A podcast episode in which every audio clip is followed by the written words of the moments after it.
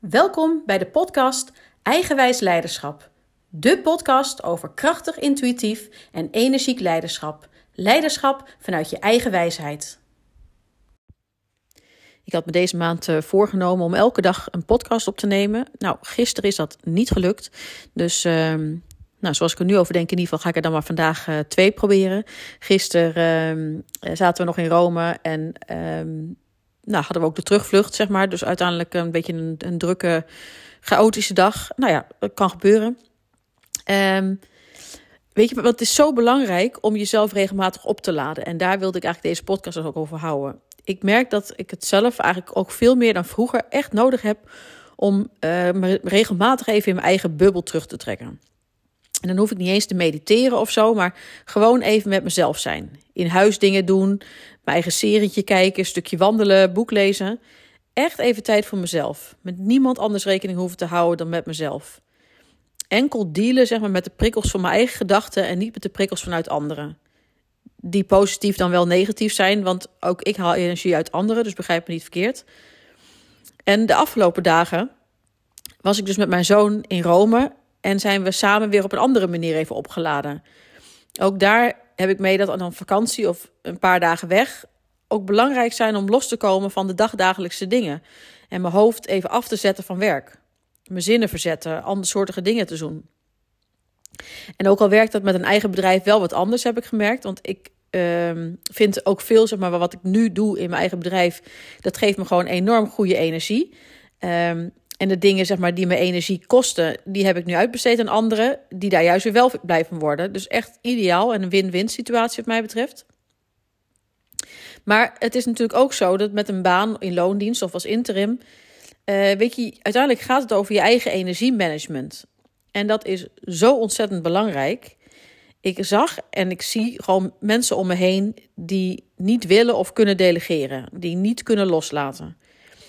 Maar wanneer je alles zelf wil doen, kost het je niet alleen tijd, kost niet alleen tijd, maar er zijn ook gewoon zoveel dingen wat jou waarschijnlijk heel veel energie kost en wat een ander wellicht energie geeft.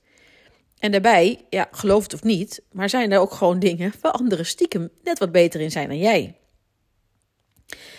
Ja, maar hoor ik dan veel mensen zeggen: dit moet ik echt zelf doen. Hier moet ik mijn gedachten over laten gaan. Dit moet ik zelf opschrijven. Want ja, weet je, ik ben de expert. En de inhoud is nog veel te moeilijk voor de ander. Zo, zover is de ander nog niet. Nou ja, ga zo maar door. Maar wie hou je dan voor de gek? Tuurlijk, er zijn echt dingen waar jouw expertise belangrijk bij is. Maar wat jij.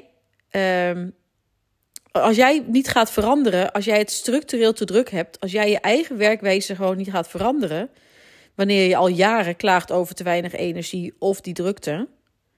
Ja, misschien wordt het dan wel tijd om eens naar je eigen belemmeringen te kijken.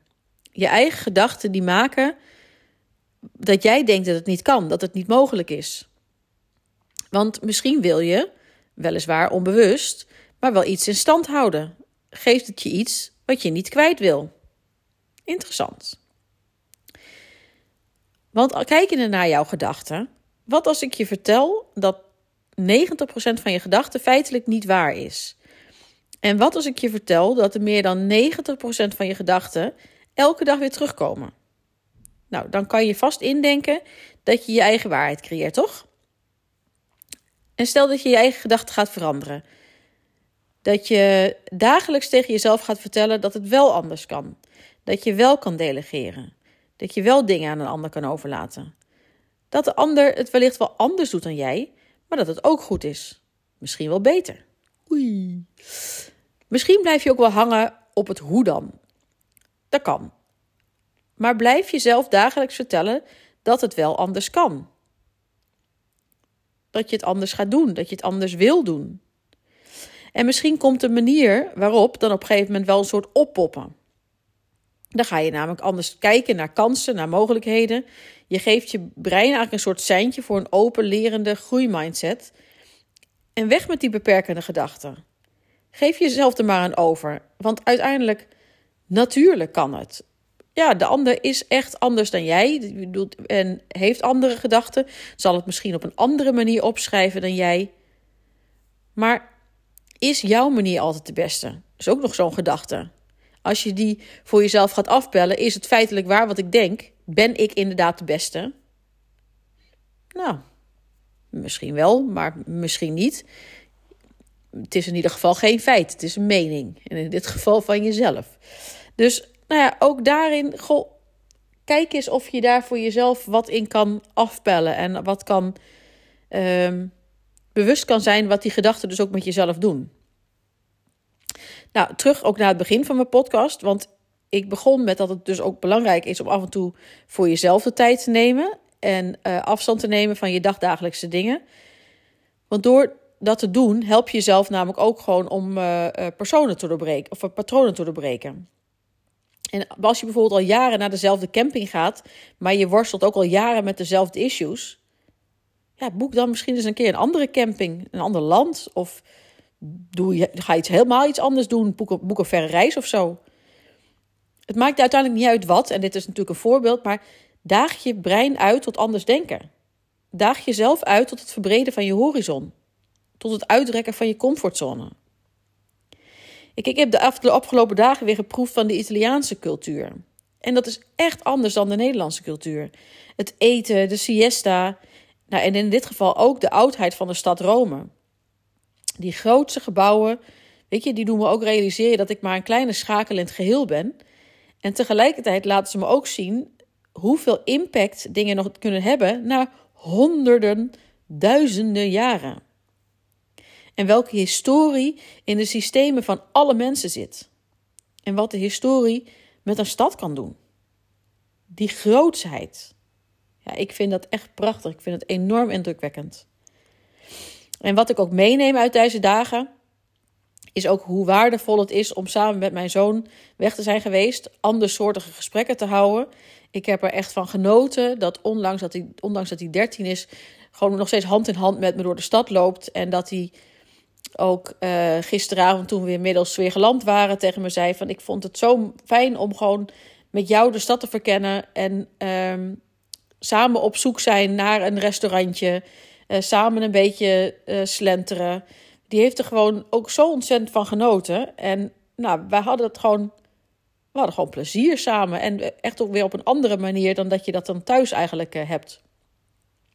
En dat ritme ook met die siesta, zeg maar. Weet je, dat is ook iets wat ik meeneem. Want dat is eigenlijk helemaal natuurlijk niet zo gek. Um, dus, en, en eigenlijk hebben we naast het harde werken, wat we hier in Nederland natuurlijk ook, ook veel doen. En ik wil niet zeggen dat ze dat in Italië helemaal niet doen. Maar die siesta, weet je, dus na hard werken is gewoon hard relaxen ook ontzettend belangrijk.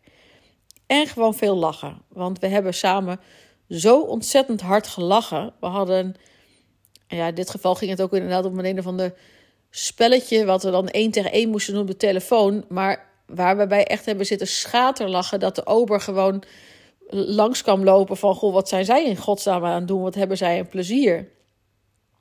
Nou ja, dus echt dat hard lachen, dat, uh, daar heb ik ook echt van genoten. En dat is niet per se iets wat ik meeneem uit Rome, maar dat is wel iets wat ik meeneem als herinnering van deze superfijne dagen. Dus uh, ik wens jullie veel lachen en hard relaxen. Vind je het leuk om me verder te volgen? Anders gezegd, wil je niets van me missen? Abonneer je dan op mijn podcast. Ik ben sowieso erg benieuwd wat je van mijn podcast vindt en ik zou het enorm waarderen wanneer je een review achterlaat. Tot snel!